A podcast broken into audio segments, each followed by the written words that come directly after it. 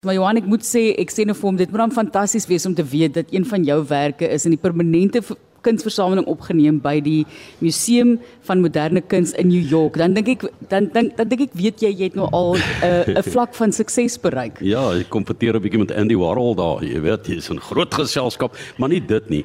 Ek dink jou pad wat jy geloop het met hierdie ek noem dit 'n nie tradisionele kunsvorm wat toe jy begin het, die mense werk jy in uh, akriel of waterverf? Jy weet daar da was die die genres was baie meer beperkend geweest en Anton ek dink dit is waar jy Anton Kannemeyer 'n groot deurbraak vir die genre gemaak het in Suid-Afrika met Bitter Comics.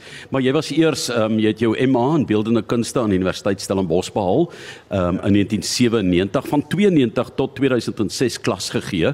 Uh, onder andere dan by Universiteit van Pretoria by Tuks by Wits Technikon en uh, by Stellenbosch waar ons by die US Woordfees is. En dan het jy oorsee van New York wat Martelies genoem het tot by Berlyn weerklank gevind want jy het ook klas gegee in Berlyn rukkie, né? Ja, ja, dis reg. En en is verskillende mense, verskillende kunstenaars, verskillende kulture. Wat bind al hierdie dinge met mekaar? Wel, jy weet ek het in Konrad Botha, ons het ons het begin as komiek kunstenaars, jy weet, en toe uiteindelik ehm um, het ons besef dat ons werk verkoop in gallerye en te word ons soos hulle nou sê galery artists jy weet. Die ding van as jy comics teken is daar's nie 'n verskriklike klomp geld om te maak nie ehm um, veral in 'n plek soos Suid-Afrika wat nie eintlik 'n comics uh, kultuur het nie.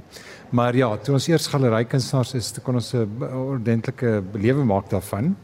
Maar nou ja so het uh uh dinge verloop en hier teen 2015 ek dink met die Charlie Hebdo moorde en so jy weet my my werk is van die begin af satiries van aard gewees jy weet en ek dink satire het eintlik in onguns geval in die wêreld met die ehm um, uh moorde van die Charlie Hebdo ouens. Aanvanklik was almal je suis Charlie, maar kort daarna is dit so van nee nee, hulle het te ver gegaan. En ek dink jy weet in 2019 het New York Times byvoorbeeld opgehou om 'n political cartoon te publiseer want humor en daai tipe van dinge is te offensive vir mense. So uh, val godsdienst, né? Wanneer godsdienst temas. Ja, godsdienst temas ehm um, beslis enigiets enigiets wat mense jy weet as offensive beskou, né? Ek sou sê ehm um, wat wat vir my so ironies is, jy weet, is toe ons in die 90er jare werk gemaak het, ehm um, was daar vreeslike reaksie daar daarteen gewees van ehm um, uh eintlik maar so van die konservatiewe mense in Suid-Afrika. En maar dit het dit het niks dit het ons glad nie enige skade berokken nie. Ek bedoel ons het nog steeds 'n liberale media gehad wat ons verdedig het en so. En toe ehm um, die, die die ding is maar vandag wat gebeur het is ek voel die liberale media daai so van mense wat veronderstel is om oopkop te dink en so is nou 'n bietjie gecapture deur 'n 'n 'n woke ehm um, uh wat jy weet ek noem dit sommer ja. ideologie beweging ja. ja maar ek noem dit 'n ideologie want jy weet as jy so veg vir iets so ek sê jy weet en jy wil ander mense cancel en jy so, so van jy weet dit is ideologie as en as mense nie met jou saamstem nie en hulle sê luister um uh jy sê my saam dus is jy ver regs dus is jy dit of ja, dat jy ja, ek, ja. ek wil net sê kyk ek, ek wil ook ek wil 'n semi waarskuwing uittrek. Ek spot Anton want ek het nou hier oopgemaak op 'n afdeling die helde dade van Simpson. Jy dit is nie 'n boek wat jy vir 'n kind kan gee nie. Asseblief mense, ek kan nie eers beskryf wat ek tans sien nie.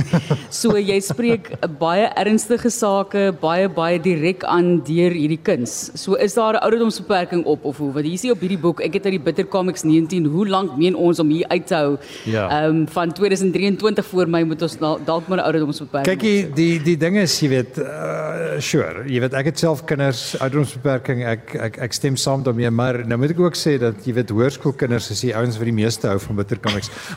so, ek weet nie. Maar nee, ons ons ons uitstalling hier um, op op die Woordfees het 'n ouderdomsbeperking. Dit sê eintlik maar vir onder 18 nie. Alhoewel ek voel dis 'n bietjie hoog. Ja, ja net dalk, dalk.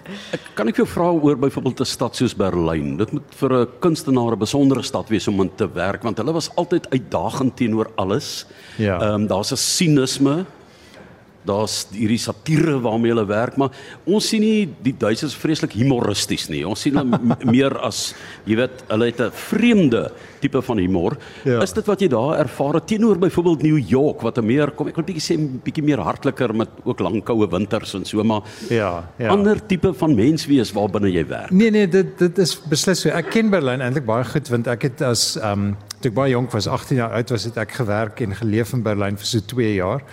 Ek het koerante afgelewer daar, ek het allerlei odd jobs gedoen. Ehm um, en dit was voor die muur afgekom het. So die ding is toe toe was dit 'n bietjie van 'n ander situasie. Nadat die muur afgekom het, dink ek dit het oopgemaak. Jy's daar's baie russe in Pole en daai tipe van ding um, op die oomblik of of in in die tye wat wat ek dit uh, weer besoek het.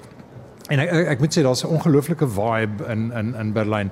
Maar ja, humor, ek ek weet nie, jy weet die die skone kunste daar dink ek nie omarm um satire as, as sulks nie.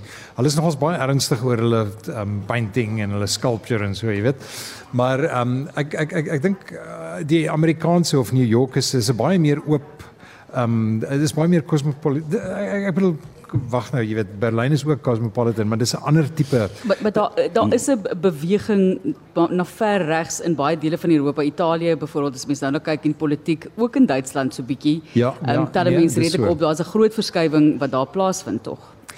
Ja ja ja, maar wag wat wat presies is die vraag? Um, nee, Vat hy die stelling om nou baie ernstig op ek ek wou net by jou aangesluit het dat jy sê dit ja. is anders as die ander dele wat waar jy dalk meer oop te ervaar. Ja ja, maar ek dink ek dink jy daai kontras nou ook in in um, Amerika. Ek bedoel Amerika ja, is jy ja. weet mense is dis jy weet jy's as jy nie saamstem met die woke die uh, uh, beweging nie, dan is jy ver regs. Jy weet jy word sommer so geklassifiseer ge, um, wat wat ek dink 'n bietjie onregverdig is want jy weet um, um, ek sien myself maar as 'n ou ou staal liberal en ek is um jy weet um, vir my die groot ding is jy weet jy respekteer ander mense se uh, um uh, sienings. Uh, ja, jy, jy weet hulle hulle sienings, jy, jy respekteer hulle hulle besluite oor hulle geslag en what whatever, jou hulle ras, maar um jy weet die die die, die, die en en en natuurlik die groot ding vir my is vryheid van spraak en daarmee, jy weet as as ek 'n kunswerk maak en ek lok iemand uit of ek ek ek probeer um kontroversieel wees,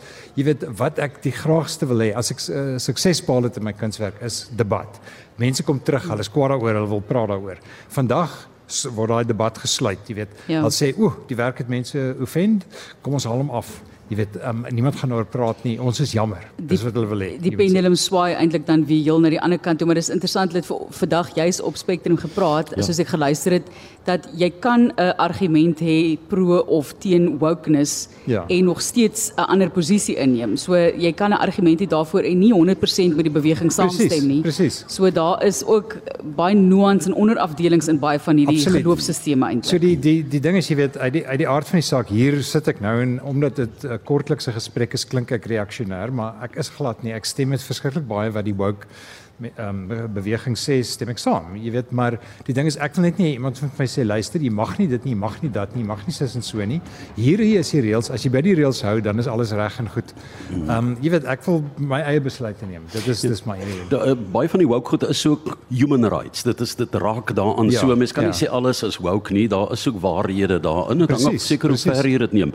Ek het onlangs 'n uh, dokumentêr oor die skrappingskultuur gemaak wat ek nie probeer 'n uitkoms bepaal het nie. Ek het net 'n paar mense laat praat soos jy. Ja. En almal het by die punt uitgekom dat die groot ironie vir hulle is dat die grootste vegters van die vryheid van spraak die meeste die skrappingskultuur toepas. Ja. En dit is 'n gevaarlike era waarbinne ons as die joernaliste wat besluit ons ja. hou nie van die skryf glad nie oor die persoon nie. Ja. Ons wil net hierdie mening sê.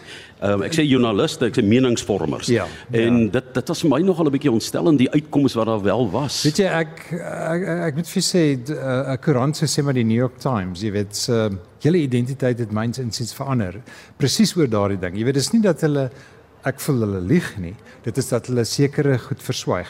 Sekere goed word nie genoem nie. Ehm um, wat ek dink baie belangrik is, jy weet die die die feit byvoorbeeld dat Black Lives Matter se founding members almal geld gesteel het en almal glad nie meer in hulle poste is nie. Ek bedoel wie weet daarvan? Niemand weet daarvan nie want die ding is dit word nie um, uh, genoem nie.